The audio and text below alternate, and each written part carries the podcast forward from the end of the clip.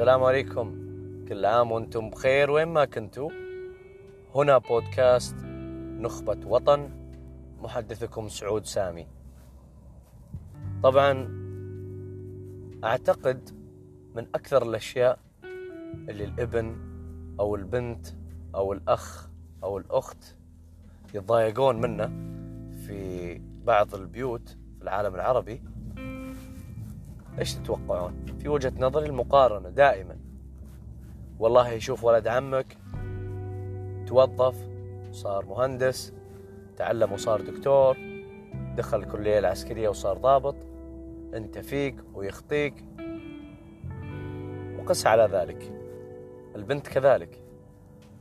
بنت عمك شوفي تزوجت وتوظفت أختك أفضل منك أختك الصغيرة شايلتني وقيسي على ذلك. المقارنات لا تنتهي.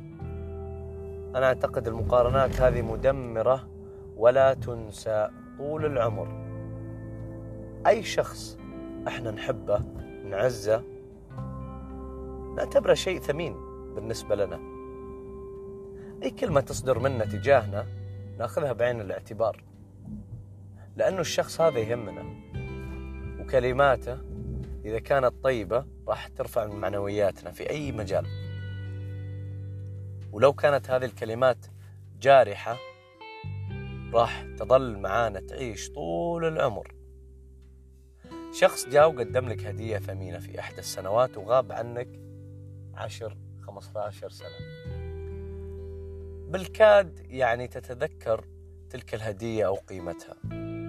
على النظير شخص ما أثنى عليك في عمل في صحبة في مجلس. أنا أعتقد أنه الثناء هذا ما راح تنساه طول العمر. ليش؟ لأن الكلمات على قولتهم words can kill. كلمات ممكن تكون قاتلة تعيشك في حرب نفسية أو تحفزك وترفع معنوياتك. انتقوا كلماتكم يا جماعة الخير. إحنا في شهر خير. الكلمة الطيبة. تفتح لك آفاق وأبواب ما لها أول من تالي. والكلام السيء المحبط اللي يخلي الواحد يقعد يفكر في الكلام هذا خاصة إذا وصلك هذا الكلام من شخص له قدر ومكانة سواء كان من الوالدين سواء كان من أصدقاء سواء كان من زملاء عمل. أنا أعتقد أي أحد يسمعني أنت أو أنتي راح تتذكرون مين الأستاذ اللي في المدرسة كان دائما يثني عليك ويشجعك ثم انتقلت إلى المرحلة الجامعية ومن الدكتور أو زميل الجامعة اللي دائما يقول لك أنت كويس أنت شاطر ترى يطلع منك شد حيلك شوي. بعدها ننتقل إلى المرحلة العملية ونلقى مدراء يقولون لك كلام لو أعطاك راتب ما راح يحفزك. كثر ما الكلام المعنوي وكلمة شكرا ما قصرت. أنت بالنسبة لنا شيء مهم. هذه الجمل ترفع من معنويات الشخص. في دراسة أمريكية أجرتها جامعة هارفارد الشهيرة.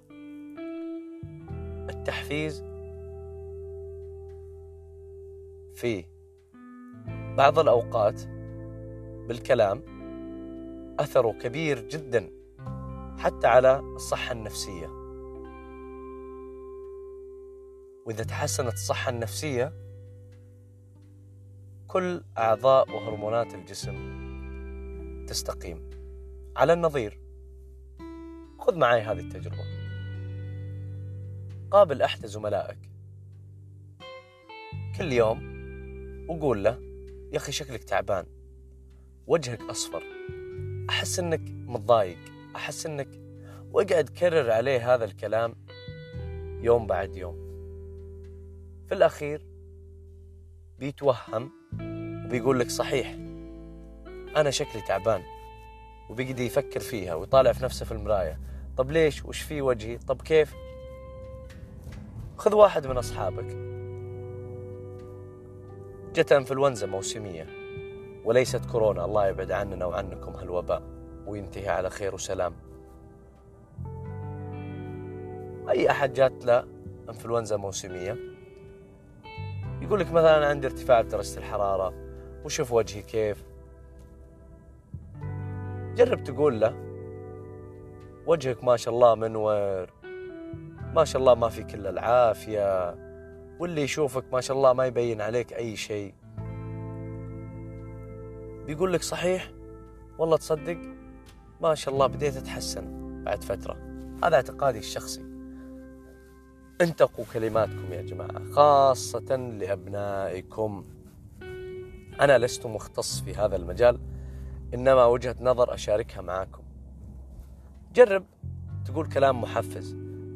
جرب إذا أنت مدير تقول لزملائك في العمل أو التيم اللي معك شكرا ما قصرتوا أنا بدونكم ولا شيء أنا أتعلم منكم. شوف الإنتاجية كم تفرق. إحدى الجامعات الأسترالية في العاصمة الأسترالية طلعوا ببحث عن الإنتاجية وعلاقتها بالتحفيز. اكتشفوا أن التحفيز المادي ما له أثر قوي كثر التحفيز المعنوي والكلمات الطيبة ومراعاة مشاعر الموظفين. وأنك تعطي إحساس للموظف أن أنت تنتمي لهذه المجموعة. شركة يونيليفر العالمية في مقابلة إحدى المرشحين لوظيفة ما سألوه إيش أول قاعدة في يونيليفر اللي في المقابلة الشخصية أو ال interview.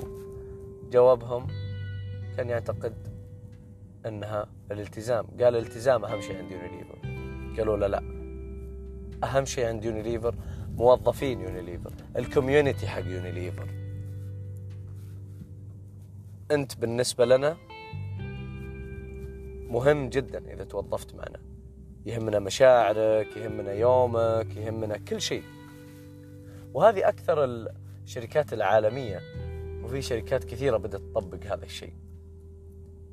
إذا أعطيت الموظف الاهتمام البسيط وحسسته أنت جزء من المنظومة هذه راح يبدع ولا راح يتخلى عنك. 30% من الناس إسنادا على إحدى المقالات مستعدين يتخلون عن وظيفتهم وينتقلون إلى وظيفة أخرى براتب أقل 20 أو 25% بالمقابل الحصول على مجتمع صحي وحيوي ومرتبط ببعض بعلاقة قوية. علاقة عمل علاقة زمالة علاقة يعني تربطهم علاقة أخوية في الشركة. كل فرد من أفراد هذه المنظومة أو المؤسسة يحس نفسه أنه شخص مهم جدا مهما كانت وظيفته سواء في ال sales سواء في ال HR سواء في ال finance حتى ولو كان وظيفته ما فيها سلطة أو اتخاذ قرار.